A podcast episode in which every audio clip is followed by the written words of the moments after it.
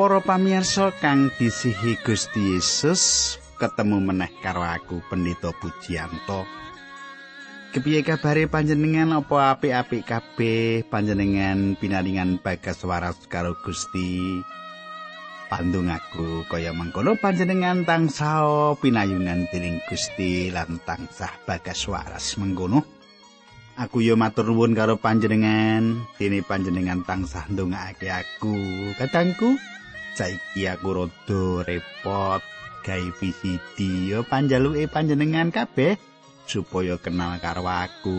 Saiki aku gawe VCD khotbah khusus kanggo bebrayan landesan-landesan rumah tangga ngono. Menawa panjenengan kepengin apa kuwi kepengin mesen yo alamate engko tak kandhani mengkono ya nah katangku margi utami bakal bebarengan karo panjenengan satu wektu iki sugeng midhangetake adi cara iki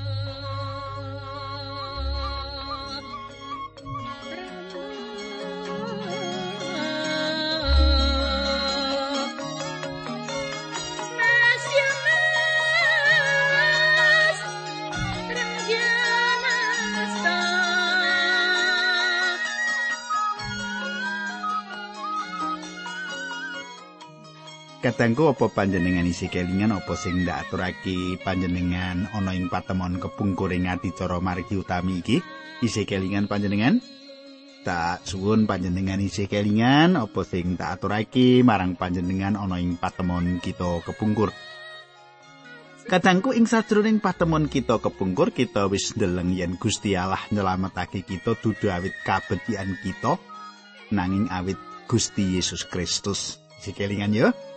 Banjur kepiye banjure kita bakal nyemak ing patemon saiki? Nanging sadurunge diteruske monggo panjenengan tak derekake ndedonga dhisik.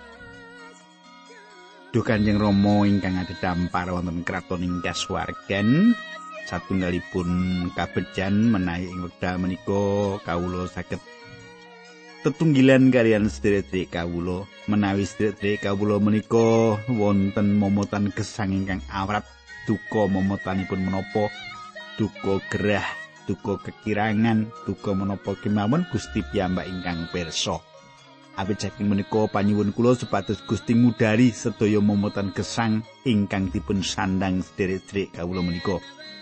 Dinambaran asmanipun Gusti kawula Yesus Kristus kawula ndedonga haleluya amin.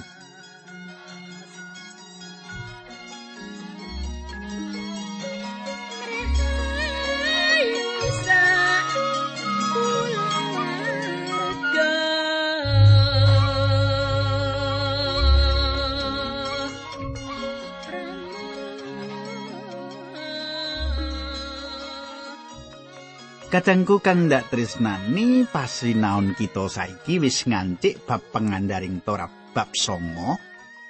Pengandaring Torat bab songo utawa andaraning Torat bab songo, kita bakal nyemak langsung wae ayat kang pitu ya. Langsung ayat sing kaping pitu tak wacake ing basa petinan. Elingo nggonmu njalari dukane Allah ana ing segara wedi wiwit kowe padha metu saka tanah Mesir nganti tekan ing panggonan kene kowe wis bola-bali nglawan marang Allah. Mengkono surasane Sumitraku Musa ngajak bangsa Israel iki mawas meneh. Deleng meneh apa kang dumadi ing jaman kepungkur kang nuduhake nalika bangsa iki gawe reca pedhet emas. Nalika semono wong-wong wadon lan wong lanang padha nyopot anting-anting emase lan masrahake marang Harun.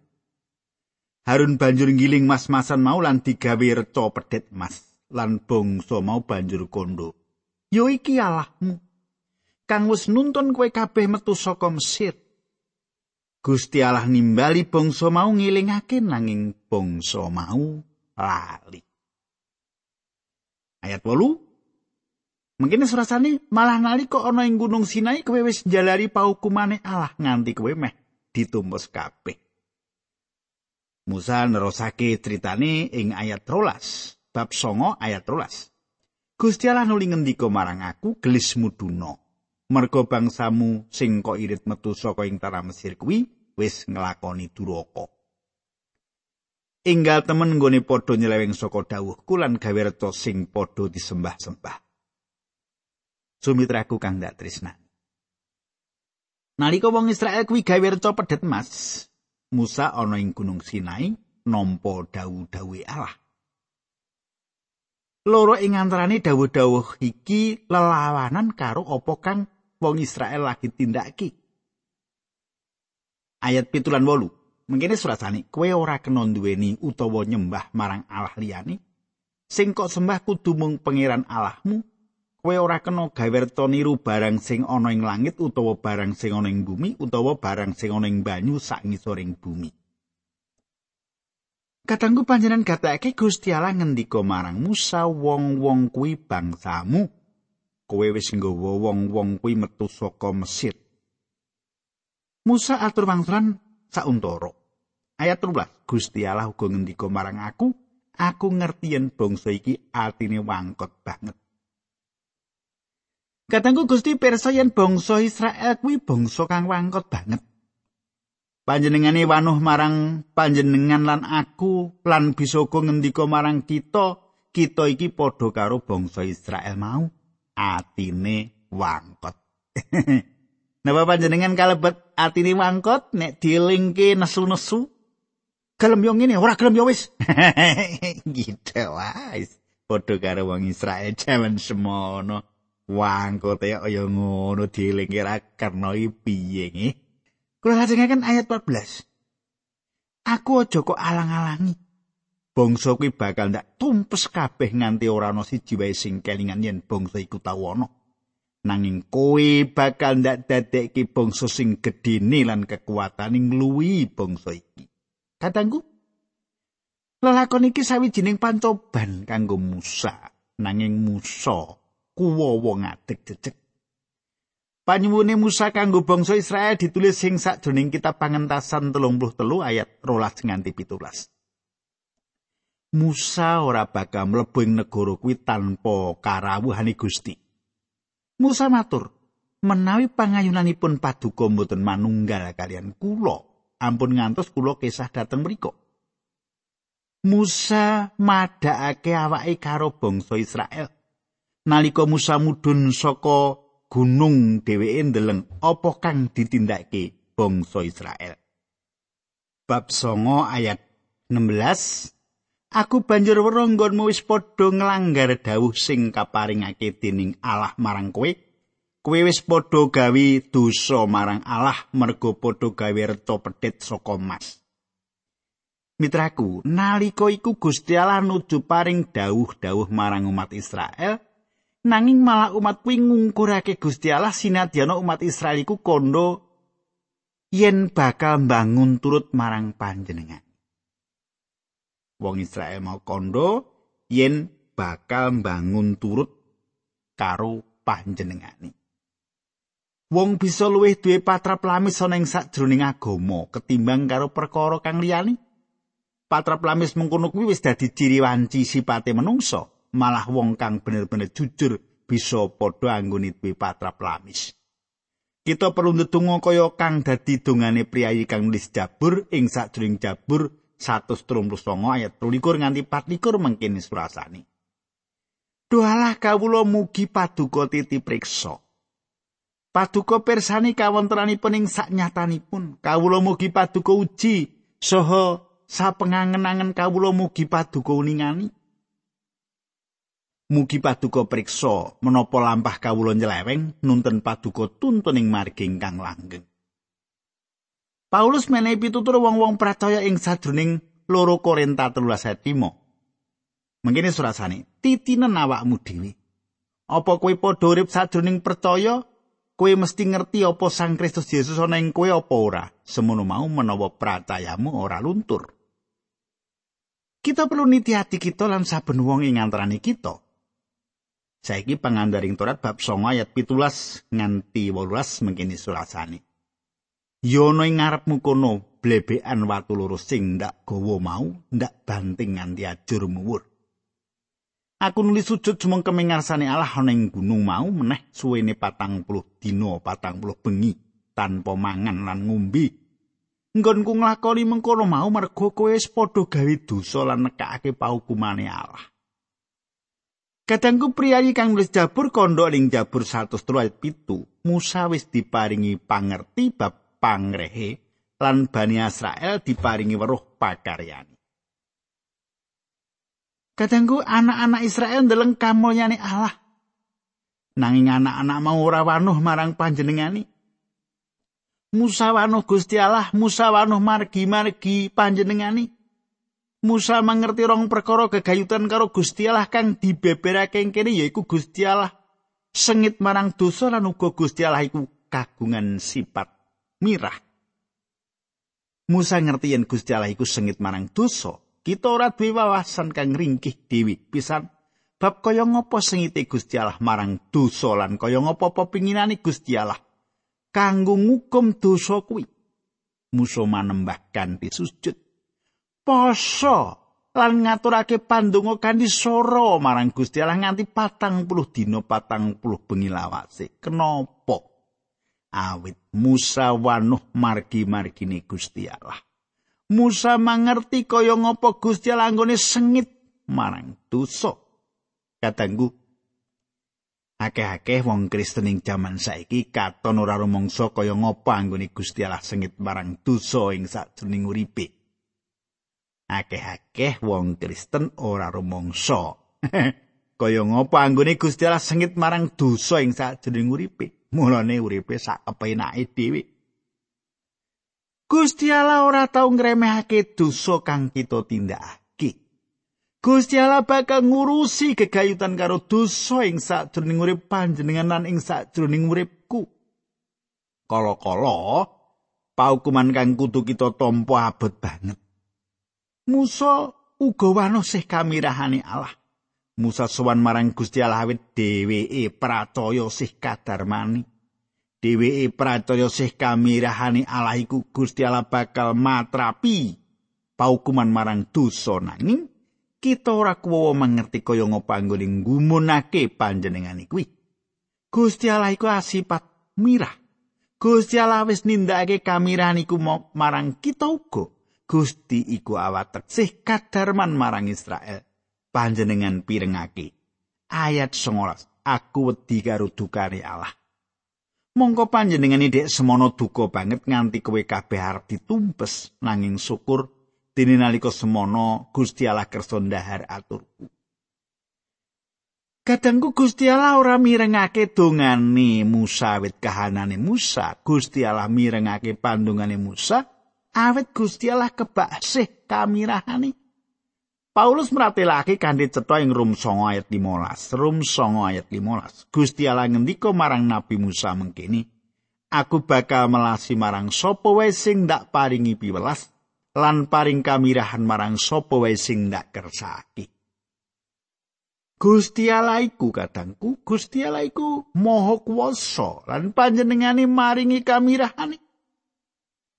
Kita ora bener-bener mengerti loro sifat Allah anggone sengit marang dosa lan sih kamirahani. Saiki kita terusake ayat 20 tekan selikur.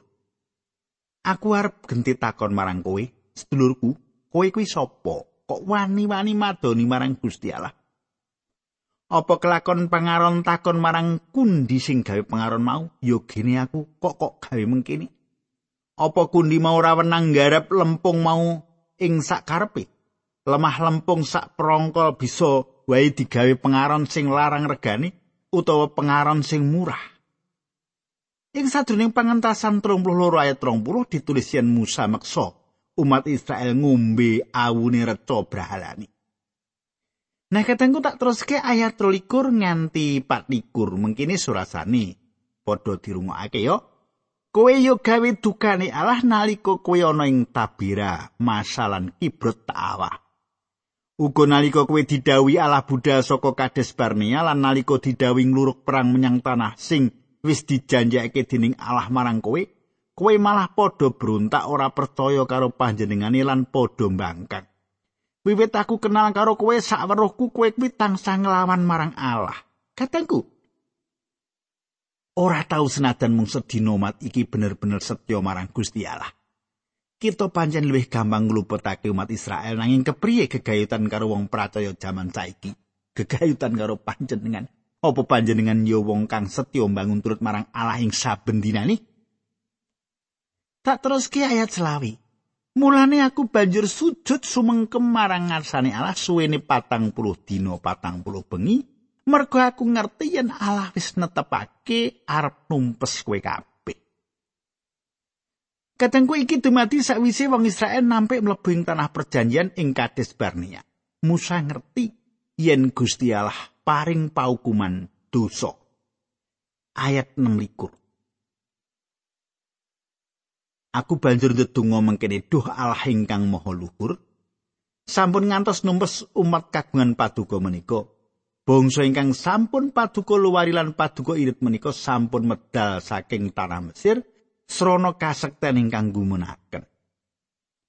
Mugi paduka ngengeti abdi-abdi paduka Abraham, Iskak lan Yakub lan sampun ngantos menggalih dateng wangkal duraka lan dosanipun bangsa menika.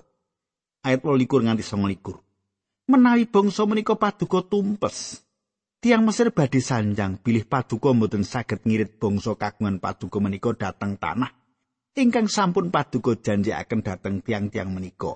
Tiang Mesir badhe mungel bilih paduka mbeto bangsa menika dateng seganten wedi namung badhe paduka pejahi wonten ing riku. Jalaran paduka sengit dateng bangsa menika. Ayat 29. Duh halah, Mugi paduka kersa ngengeti bilih bangsa menika sampun paduka pilih dados umat kagungan paduka ingkang sampun paduka irit piyambak saking tanah Mesir srana kasektan ingkang nggumunaken. Sumitraku Musa ngerti carane ndedonga. Musa ngemutake Gusti Allah yen bangsa-bangsa kang manggon ing kono bakal kondo yen Gusti Allah ora bisa nuntun umat kagungane mlebu ing tanah iku. donga kuwi dadi jalaran Gusti Allah cawe-cawe. Yo ing kene Israel ngadeg, siap mlebu ing tanah kuwi kang beberake yen Musa mangerti carane ndedonga. Saiki kita mlebu ing kitab pangandaring Torat bab 10. Saiki kita wacake ayat siji loro. Mengkene surasani. Gusti Allah nuli ngendika marang aku, Musa, kowe natau blebekan watu loro kaya sing dhisik lan gawe peti saka kayu kanggo nyimpen banjur mreneo marko aku ana ing pucuking gunung blebekan watu loro mau bakal ndak serati pangandika kaya sing ndak serat ana ing papan sing dhisik sing kok remuk sawise mengkono lempeng watu loro mau kudu kok simpen ana ing jero peti kayu mau Kadangku Musa nggawa blebekan watu loro kuwi mudhun saka gunung lan mapanake ing sajroning peti kayu peti perjanjian sebanjure bangsa Israel nerusake lakune. Ayat 8 lan 9. Ana ing gunung kono Gusti Allah milih taler Lewi kanggo ngurus peti perjanjian lan dadi imam sing ngladosi Gusti Allah. Sarto sing berkahi umat atas asmani Allah kuwi tugase wong Lewi tekan saprene. Sarene wong Lewi ora nampa panduman lemah kaya taler-taler liyane, mulane tanpa kaurmatan dadi imam-imame Allah kaya sing dijanjeki dening Allah. Kadangku kaya dene Lewi iku kalebu suku imam utawa taler imam. Mengkono saiki gereja sawijining kerajaan kang kaperang-perang salah sawijining kalebu para imam. Saben wong percaya marang Gusti Yesus kuwi kalebu imam. Kita iki imam kang am ing sadurunge pangerten yen am ateges umum. Gusti Allah wis prasetyo maringi tanah marang talar-talar liyane. Nanging Gusti Allah ora paring prasetyo perkara iku marang wong Lewi. Dikaya wong Lewi warisan kita ana ing sajroning Allah. Kita diberkahi ganti kabeh berkah kasukman ing kasuwar. Saiki ayat 13, saiki sedulurku wong Israel padha setitekno pamundute Allah marang kowe. Ngabekti marang Allah lan nglakonana dawuhe tresnanono lan ladosana kanthi mantep. Kadangku Injil ora sumindi marang wulangan iki. Panjenengan lan aku kudune ngaturake panuwun marang Gusti Allah atas perkara iku awit menawa Injil sumindi marang wulangan iku panjenengan lan aku ora bakal diberkahi akeh. Pangandaring Torat bab 10 ayat 13. Estokno pepakone sing ndak kandhake marang kowe ing dina iki supaya kowe padha slamet. Kadangku, manawa bangsa Israel ngestokake dawu-dawi Allah. Bangsa iki mesti wis diberkahi. Nalika bangsa iki nerak dawu-dawi Allah, paukumane Allah nempuh marang bangsa iki. Saksuwene 1500 taun Gusti Allah mitontonake lumantar bangsa Israel marang jagat marang panjenengan lan aku yen Gusti Allah ora bisa nyelametake wong kang nindakake angger-anggering Torat. Umat Israel ora bisa nindakake angger-angger Torat.